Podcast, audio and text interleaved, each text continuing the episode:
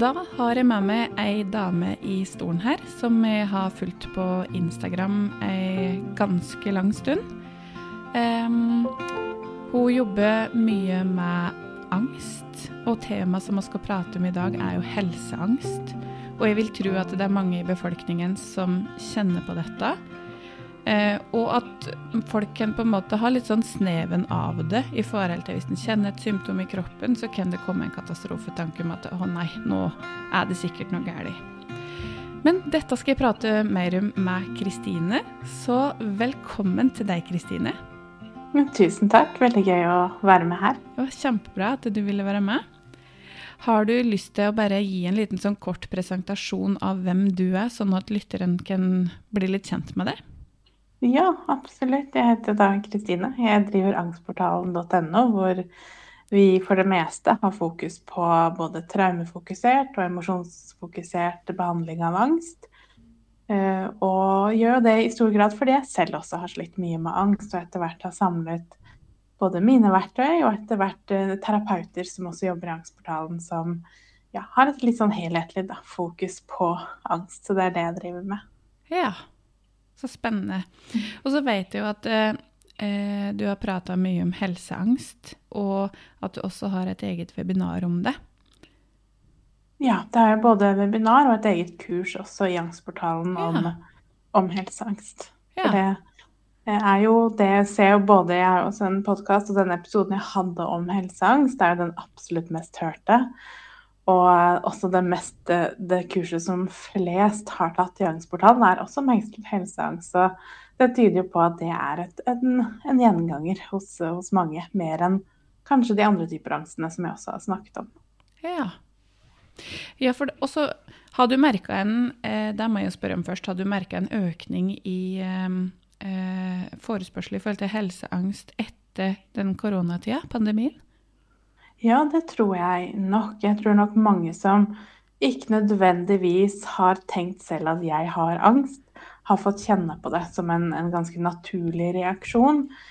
Så, og for noen kanskje da blir en såpass stor reaksjon at det går litt over det man kanskje selv klarer å, å mestre eller føle på eller møte, da, at det blir litt hemmende. Mm. Noen nok i selve pandemien, at det kom veldig brått og veldig skremmende på, men også egentlig i etterkant. Ja. Det å skulle gå ut i samfunnet og nærmest Nå later vi som at alt er normalt igjen. Ja. Og så er det ikke helt sånn på innsiden, og så er vi kanskje ikke så gode til å snakke om det. Mm. Uh, mange opplevde nok at i pandemien så var det litt sånn mer behagelig å ha angst fordi at alle var litt redde, og det var mer stuereint å snakke om. Um, og så skal vi ut og plutselig ta folk i hendene igjen. og vi skal ja. være med folk. Og så henger jo ikke helt kroppen med da, på det. Nei, ikke sant. For det er jo eh, Helseangst handler jo om eh, det, litt det kroppslige, altså kroppslige symptomer. Og jeg har fått inn noen spørsmål her. Eh, så jeg tenker at det, det første spørsmålet er jo hva er helseangst? Helseangst er jo sånn helt eh, enkelt forklart en overdreven reaksjon på normale kroppslige symptomer. Eh, det er jo en myte ofte når vi tenker på hypokondri, at man finner på sykdom.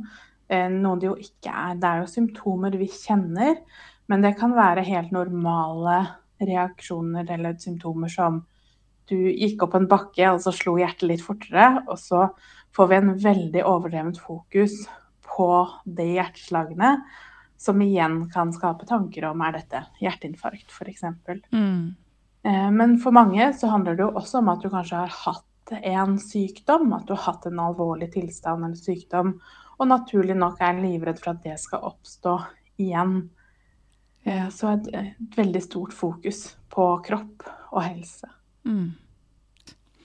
Eh, jeg har fått lov til å dele litt, da, for jeg har en samboer som har helseangst. Eh, det begynte på en måte først med litt sånn panikkangst, og så utvikla det seg mer til sånn helseangst. At den begynte med å ta alle symptomer i kroppen på at uh, det var noe galt.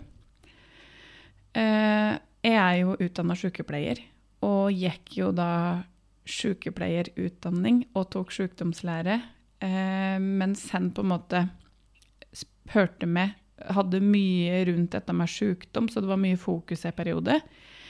Tror du det kan ha påvirka hans angst? At det har på en måte ligget litt sånn der i bakgrunnen, men det var mer sånn der utløsende at han begynte å sjekke, visste litt mer, fikk flere symptomer? Ja, det tror jeg nok absolutt. Og man ser jo det f.eks. med legestudenter, eh, som, hvor man lærer om mer. Og så er det ofte, opplever jeg, at man kanskje lærer litt om én ting. Eh, og veldig typisk for helseangst er at det er fokus på ett symptom eller én sykdom, ett system i kroppen. Mm. Og fordi vi egentlig ikke har kunnskap om helheten, så går man til legen og så forteller man om det symptomet. Og for legen så er det da veldig enkelt som regel å si at men dette høres normalt ut. Eh, mens vi på vår side kan ikke skjønne det og tenker det må jo være fordi jeg ikke har forklart deg hva jeg mener, eller ja. feil ord, eller du har misforstått hva jeg mente. Mm. Så det tror jeg nok absolutt. Eller at du ser en, en VG-forside, f.eks. Ja. med tre farligste symptomene. Mm. Og så blir det veldig snevert, da. Og så blir vi jo naturlig nok engstelige for alt som kan skje. Ja, for jeg, jeg har en litt sånn eh, På en måte en morsom historie, men også litt sånn det er ikke sikkert den er så morsom, men i hvert fall eh, samboeren min satt i skogen eh, på jakt. Og så hadde jeg hatt henne hadde hørt meg i sykdomslæreeksamen. Og så hadde hun plutselig fått så vondt i låret. Og så ringte han til meg, og så for, forklarte han dette at jeg har så vondt i låret, jeg har vondt der og der, og det gjør sånn og sånn, og den og den smerten. Tror du det kan være sånn der dyp venetrombose? Sånn. jeg bare Nei, jeg tviler på det. Men da hadde han ikke sant, hengt seg opp i det, for det var det jeg la om da. Um, så da trodde han at det var det han hadde. Men stort sett så er det jo på en måte kreft, da. Mm, det er de, de store, farlige. Ja, for det er vel de der som er på en måte med potensielt dødelig utfall eller lammelse eller ja. Ja, absolutt. Ja. Kreft og MS, eh, slag, hjerteinfarkt, ja. Eh, ALS. De, de, store, voldsomme, skremmende, uoversiktlige sykdommene. Mm. Naturlig nok. Mm. Mm. Men har du noen tanker, Kristine, om hvor dette kan komme fra? Fordi at eh, jeg har jo jobba med mange med helseangst sjøl, og veldig ofte så har det vært at det har vært en del sykdomsprat i familien, eller at det har vært sykdom i familien som har gjort at frykten har økt, da. Ja. Det er jo ofte Jeg tenker det er litt sånn todelt. Enten så handler det om nettopp det, et overdrevent fokus på helse, litt sånn tenkt om helse. Eh, hjemme hos oss husker jeg vi hadde en sånn eh, legehåndbok hjemme, eller sånn diagnosebok sånn i gamle dager, ja. vi ikke hadde internett, som det ble slått opp i hele tiden og snakk om symptomer osv. Ja. Men også da en, en, trygg, en, utrygghet i kropp. Og jeg tenker alle spørsmål om ja, dødelighet og om alvorlig sykdom. Jeg tror nok de fleste av oss har jo sikkert også hatt en eller annen kontakt med f.eks. kreft da, mm. i familie som ble veldig brutal, voldsomt traumatisk. Og kanskje ikke så mye snakket om, som er jo en, en dårlig kombo veldig ofte. Ja, um, og spesielt som barn, hvor når vi ikke har på en måte, Hjernen vår er ikke utvikla nok til at vi får noe oversikt. Det blir veldig snevert syn, det blir veldig kaotisk og mye følelser som vi ikke helt forstår og får sagt ord på. Så tenker jeg det er en ganske naturlig grobunn til fokus.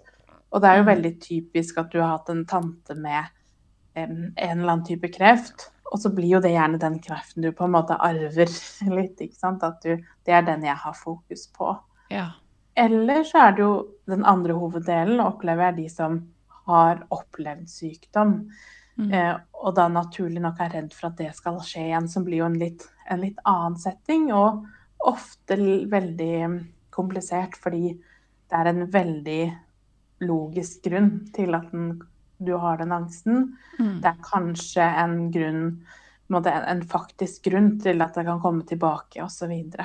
Mm. Eh, men jeg opplever nok at de fleste er i den første kategorien. Ja. At verden er ukontrollerbar. At liksom hva som helst kan skje når som helst. Som er jo helt forferdelig for en angsthjerne å forholde seg til. Ja, ikke sant. Og så er det vel sånn at eh, eh, de som har helseangst, skanner kroppen sin ganske mye, eller?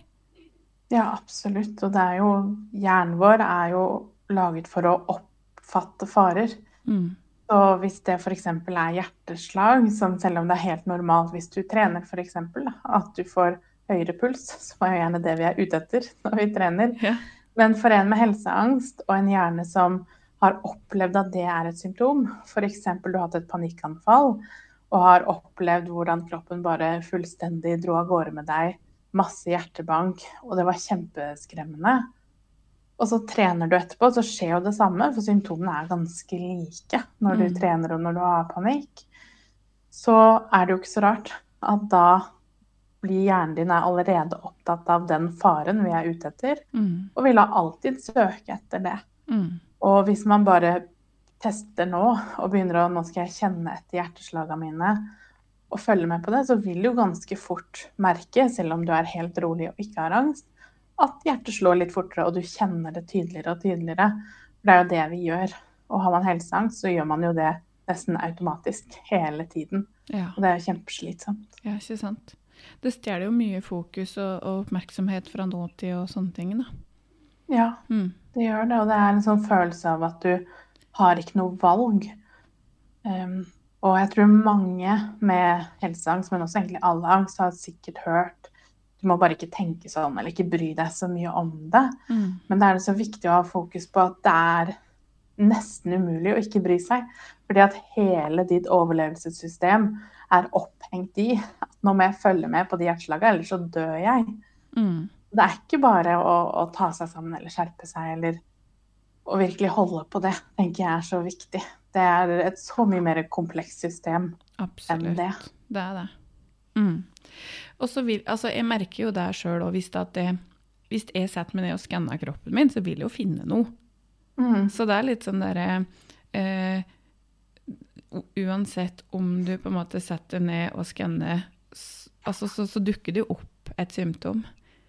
Ja, ikke sant? Eller om jeg bare sier til deg Oi, nå var det lus i barnehagen. Så Ja. begynner vi å klø Ja, med en gang. Det er litt det samme. Ikke sant? Ja. ja, men det er jo det.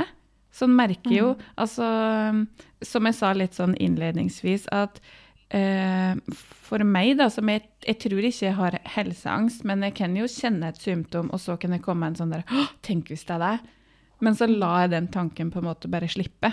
Jeg, jeg dveler ikke ved den eller bruker tid på den, eller noe sånt, men jeg kan bare komme litt sånn kastende innom, og så ut igjen. Ja, ikke sant. Jeg tror det er litt forskjellen fra Mm. en, en mm, dumt å bruke ord som normal, men kanskje litt sånn gjennomsnittlig person, da, og en med helseangst. Mm. At det er kanskje mer en frykt for tankene heller enn tankene i seg selv. For det er jo Vi alle er jo på et eller annet vis redd for å bli syk. Det er jo Ja. naturlig. Og så er det jo eh, Jeg har jo lest mye Ingvar Wilhelmsen. Og han har jo også mye foredrag og sånn. Og det handler jo om at de tenkte problemene er egentlig verre enn de ekte problemene. For hvis du Ja. først på en måte har fått kreft, da, så er det litt sånn at da får du gjort noe med det. Altså da er du i det. Da håndterer du det på kanskje en helt annen måte enn du trodde. Ja. Enn du kanskje da gjør med tenkt kreft. ja, absolutt. Så det er jo alltid verre å grue seg til noe enn Mm. det du faktisk skal gjøre. Ja, ikke sant? Eh, og så nevnte du eh, i forhold til litt sånn dødsangst, fordi at eh, når du har helseangst, så er det jo på en måte også frykt for å dø. Ja. Så det er litt sånn, hvor, går, hvor tenker du da skillet går litt sånn mellom dødsangst og helseangst? For jeg føler det henger veldig sammen. Ja, absolutt. Jeg tenker kanskje for veldig mange så handler helseangsten mer om hva som skjer før du dør. Ja. At jeg er redd for å ha vondt, jeg er redd for å fortelle det til barna mine eller eh, ektefelle at jeg har kreft, f.eks. Mm. Um, redd for å ha mye smerter. Um, veldig ofte redd for hva skjer hvis jeg får et hjerteinfarkt. Hva skjer hjemme fram til jeg får hjelp? ja. Um, at kanskje det er et lite skille der. Selvfølgelig noen som også eh, vil kjenne på ikke nødvendigvis det, men ja. Hva Mm. tenker du? Jo, jeg tenker jo også litt sånn som deg at for um, Jeg tror nok jeg har litt sånn sneven av dødsangst i forhold til hva skjer i et, etterpå. Uh, jeg tenker ikke så mye på hva som skjer nå, Mm. men litt sånn når det er slutt, hva skjer da? Da blir jeg litt sånn kjempestressa. Jeg klarer nesten ikke prate om det. Jeg hadde en podkastepisode forrige uke eh, med en begravelsesagent, og jeg kjenner Det var litt sånn som litt sånn triggende å sitte og prate om døden, faktisk. Ja, det skjønner jeg. Litt sånn apeirofobi-aktig, hvis du har vært borti det. Nei, det har jeg ikke vært borti. Det er litt sånn frykt for hva skjer når vi dør. Frykt Å, for det heter evighet. det, ja. Ja. Ja, Ja. som, det er vel en, en underkategori av OCD eller ja. eh, noe sånt. At man Frykt for hva skjer når jeg dør. Er det ingenting, eller er det Ja, evighet?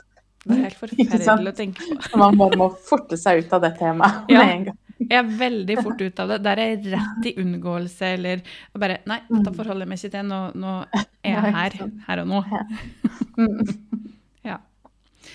Um, jeg har jo også fått inn Ja, uh, hvor kommer det fra? Det spurte jeg om. Men så har vi jo det viktigste spørsmålet, tenker jeg da. Hvordan kan en jobbe seg ut av helseangst? Eller hvordan bli kvitt helseangst? Det er spørsmålet, da. Ja, det er jo stort og komplisert, selvfølgelig, og det kommer jo veldig an på. Men jeg tenker allikevel så er det noen hovedlinjer, og det første er jo å være veldig tydelig på hva handler angsten din om? Hva er du redd for? Eh, Både på overflate, så hvis du er redd for kreft, så tenker jeg det er liksom på overflaten. Mm. Og så er det gjerne noe som ligger under det, som er grunnen til at du er redd for den sykdommen eller de symptomene. Som veldig ofte handler om trygghet, det å føle seg trygg i, i verden, rett og slett, eller i egen kropp. Mm. Um, eller det kan handle om kontroll, det å ikke helt kunne håndtere, det å ikke ha kontroll, som man jo absolutt ikke har i de fleste sånne situasjoner. Mm. Um, og så tenker jeg kunnskap er viktig, og for de fleste det å ha en lege som forstår angst, som er villig til å sette av tid til å prate med deg og lære deg i min, eh, mitt tilfelle f.eks. For forskjellen på når jeg har dette symptomet, hvorfor er det så lett for deg å avfeie det som noe alvorlig, mens jeg ikke får sove fordi jeg er sikker på at jeg skal dø.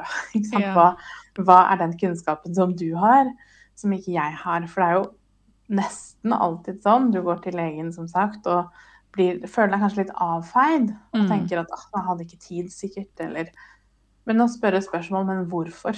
Hvorfor er ikke dette alvorlig? Hvorfor ringer ikke du ambulanse med en gang Ja. og sender deg videre? og så er det jo denne eksponeringen, da. Jobbe med å øve på om det handler om sjekking av symptomer. Bruke ulike verktøy for å utsette sjekking. Utsette å gå til legen. Og det er også veldig det jeg selv gjorde, var å lage en plan med legen. At jeg hadde en tid, f.eks. en gang i måneden eller en gang i uka på det verste, Ja. og måtte samle opp og notere meg ok, nå kjenner det symptomet, snakker jeg med legen. Og så utsatte jeg, oss etter hvert var det hver måned, annenhver måned, lengre og lengre, sånn at jeg måtte rett og slett sitte i angsten, da, som jo det handler mye om. ja. Men jeg tror det er litt godt for oss å gjøre det litt strategisk. Sånn at jeg vet at jeg har den datoen. Eh, og det kan jo være ja, en terapeut eller hvem som helst, egentlig, men som gjerne bør ha litt fysisk kunnskap, da, tenker jeg på Mm. den fysiske kroppen. Og oftest er jo det kanskje fastlegen som har det. Mm.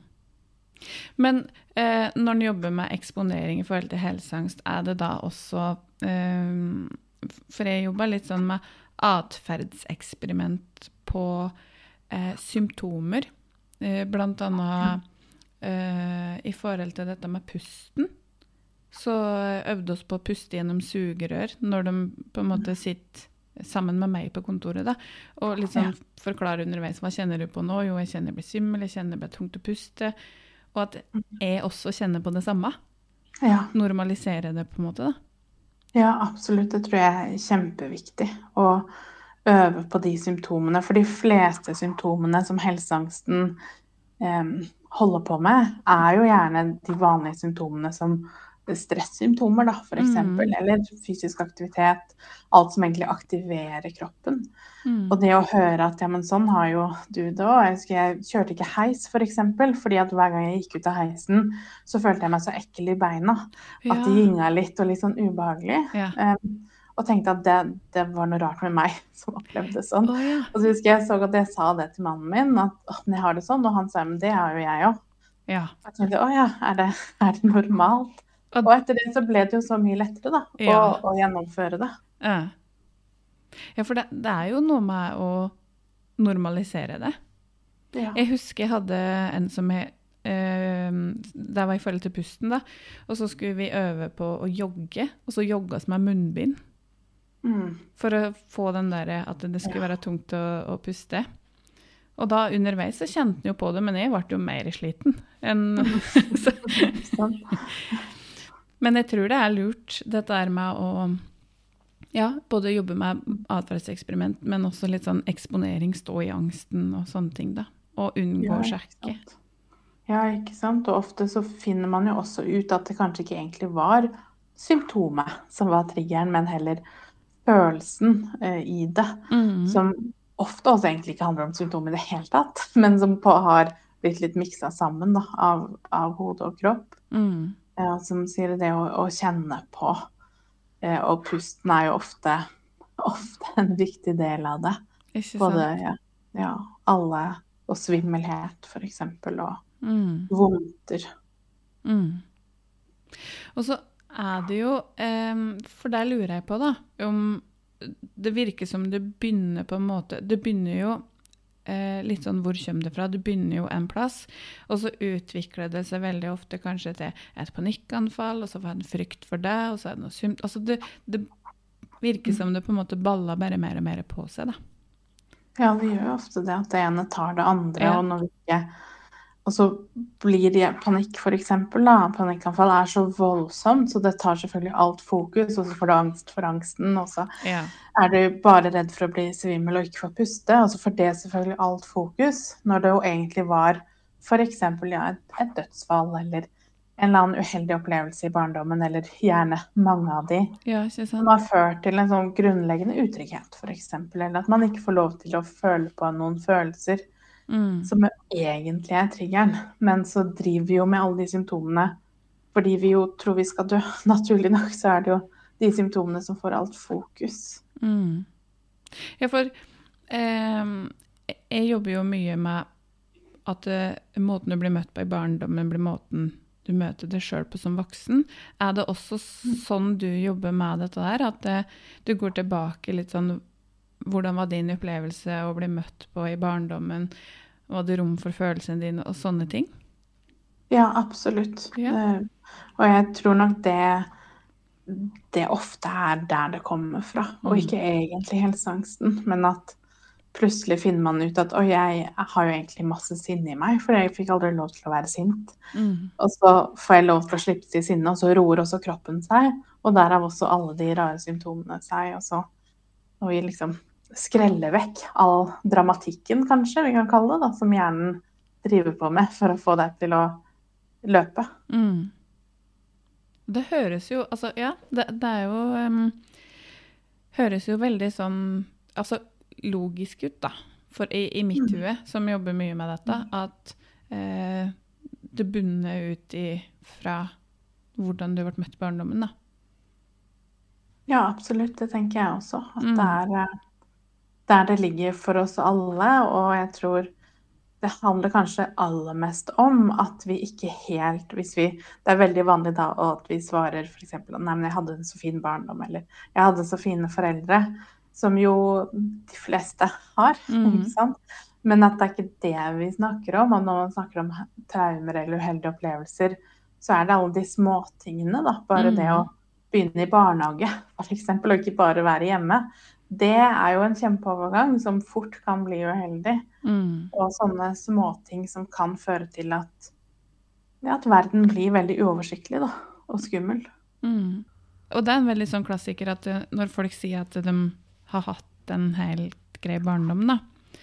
Og så hvis en graver litt mer eller spør litt mer, så handler det om at kanskje det var ikke rom for følelser at eh, når du var sint, så ble du sendt på rommet, eller at eh, ja, du, du kunne ikke grine for dette er ingenting å grine for, slutt å grine. Ja. Småting som en kanskje ikke Mm. tenker over, men som kan bli ganske stort seinere i livet, da, hvis en drar det med seg videre. Ja, absolutt. Og det er så viktig med, med fokuset der, og ikke For det er lett å gå rett på eksponering, f.eks. Rett 'jeg skal ikke sjekke det'. Det blir så hardt. Mm. Når det jo egentlig handler om et kanskje kalle det litt sånn mykere årsak da, til Mm. at ting er litt ekstra utfordrende, og at man ikke um, ja, på en eller annen del i prosessen, i utviklingen, har kanskje ikke gått sånn som den skulle ha gjort, um, fordi det har opp, du har opplevd et eller annet som ikke var bra. Mm. Er det noe du eh, sitter inne med som du har lyst til å dele? Jeg tenker det viktigste er å få hjelp. Jeg hørte um, på en lydbok i går hvor de sa noe som var så fint.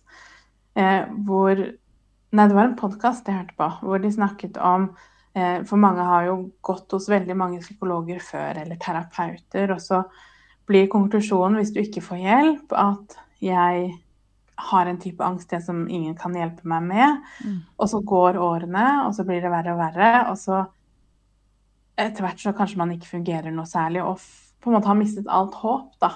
Eh, og så sa hun i den podkasten at men da har du ikke prøvd terapi, du har prøvd terapeuter. Og Ja. det da å finne en terapeut, og hvis det gjelder helseangst, da noen som har denne kunnskapen om både For da skal du gjerne ha en kunnskap om den fysiske kroppen for å kunne rett og slett lære deg opp i hva som er hva. Mm. Men også gjerne en, en tilpasning som passer deg. Og det er jo ikke sikkert at vår tilnærming som vi snakker om her, er riktig for deg. Og det er helt greit. Og da finnes det mange andre som jobber på andre måter. Mm. Eh, og motsatt. Å finne det som treffer deg. Og det, det tar ofte tid å finne det som er riktig. Eh, Mm. Men jeg i hvert fall, jeg vet ikke med deg, men jeg har i hvert fall aldri møtt noen hvor jeg har tenkt at oi, du har så, sånn angst, og dette her kan jeg ingenting hjelpe for deg. Nei. Eh, det tror jeg ikke finnes. Nei. Eh, Men det finnes dem som kommer og sier at uh, nå har jeg vært så veldig mange, og det er ikke sikkert du kan hjelpe meg, det er ikke sikkert det, det er noe å få gjort med dette her, men jeg prøver en siste gang, liksom. ja. Og så er det jo litt sånn at det er jo ikke det er jo ikke sånn som de tenker at dette er ikke noe å få gjort noe med og er et håpløst tilfelle eller sånne ting. Mm. Ja, ikke sant? Og jeg skulle ønske at flere kunne sitte litt på vår side av bordet og høre fortellingene, fordi de er så like. Symptomene er så like, og hvor mange ganger har jeg ikke fått en mail med er det vanlig med muskelsmerter, f.eks. Er det vanlig å være svimmel? Mm. Som i hvert fall med meg tenker at det er helt selvsagt del av angsten. Absolutt. Og det er så mye trygghet da, i den kunnskapen. Mm, det er det. Men det var jo veldig fint, den podkastepisoden der, da. Ja, ja, det er en veldig, veldig god podkast. Den handler vel først og fremst om, eh, om narsissistiske foreldre og um, hva heter det? Foreldrifisering, om det heter Å, det på norsk. Ja. Som er et veldig spennende tema. ja. Mm. Foreldrestiler, da, eller? Eh. Nei, mer det at du som barn eh, fikk mer ansvar enn det du var Ja. ja. utvikla til. Da. Det heter Ja. parentification, tror jeg det heter på, okay. på engelsk. Ja, Eh, som en del av ja. Hvis du har vokst opp f.eks. i et narsissistisk hjem. Da. Ja. Eh, tusen, tusen takk, Kristine, for at du hadde lyst til å bli med i podkasten min og dele din kunnskap. Det var veldig hyggelig å være med, og spennende å snakke med deg om, om det temaet her. Ja, så bra. Hvor er det folk kan finne det, hvis at de eh, sitter nå og lurer? Eh, Da finner du meg på Instagram, er Angstpedagogen. eh, Og på Facebook angstportalen.no, eller så er det podkasten min Fra angst til trygghet. Ja. Eller angstportalen.no, for å lese mer om det. Ja, så bra.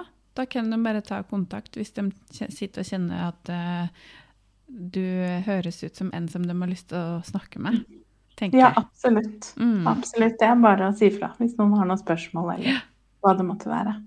Jeg kan ta også linke til det i podkasten. Ja, ja, men så flott. Jeg kan sende deg Mm. linkene. Så bra. Da eh, vil jeg bare si igjen tusen takk, og ønske deg en fin dag videre. Takk, det samme. Ha det bra. Ha det bra.